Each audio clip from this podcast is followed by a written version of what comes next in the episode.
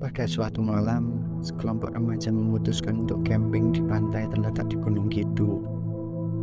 Mereka memilih tempat yang terpencil dan jauh dari keramaian, karena mereka ingin merasakan ketenangan dan kedamaian yang hanya bisa ditemukan di pantai tersebut.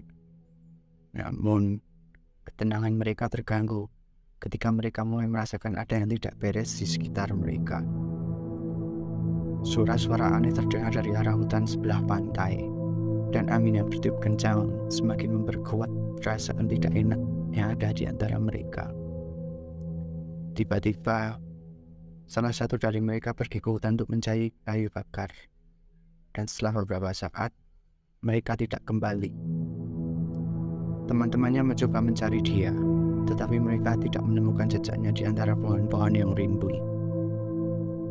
Ketika malam semakin larut, mereka memutuskan untuk meninggalkan pantai dan pergi ke desa terdekat untuk meminta bantuan. Namun, ketika mereka mencoba untuk meninggalkan pantai, mereka menemukan diri mereka terjebak di sana.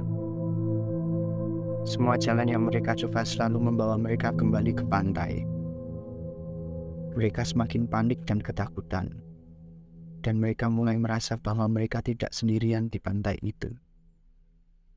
Sesuatu yang jahat dan menakutkan sedang mengintai mereka dari bayang-bayang gelap.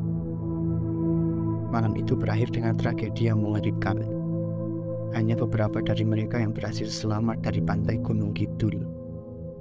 Dan mereka tidak pernah mau kembali ke pantai tersebut lagi. Legenda urban tentang pantai yang berhantu itu terus bertahan hingga sekarang dan orang-orang yang mendengar hanya merasa takut dan menghindari tempat itu.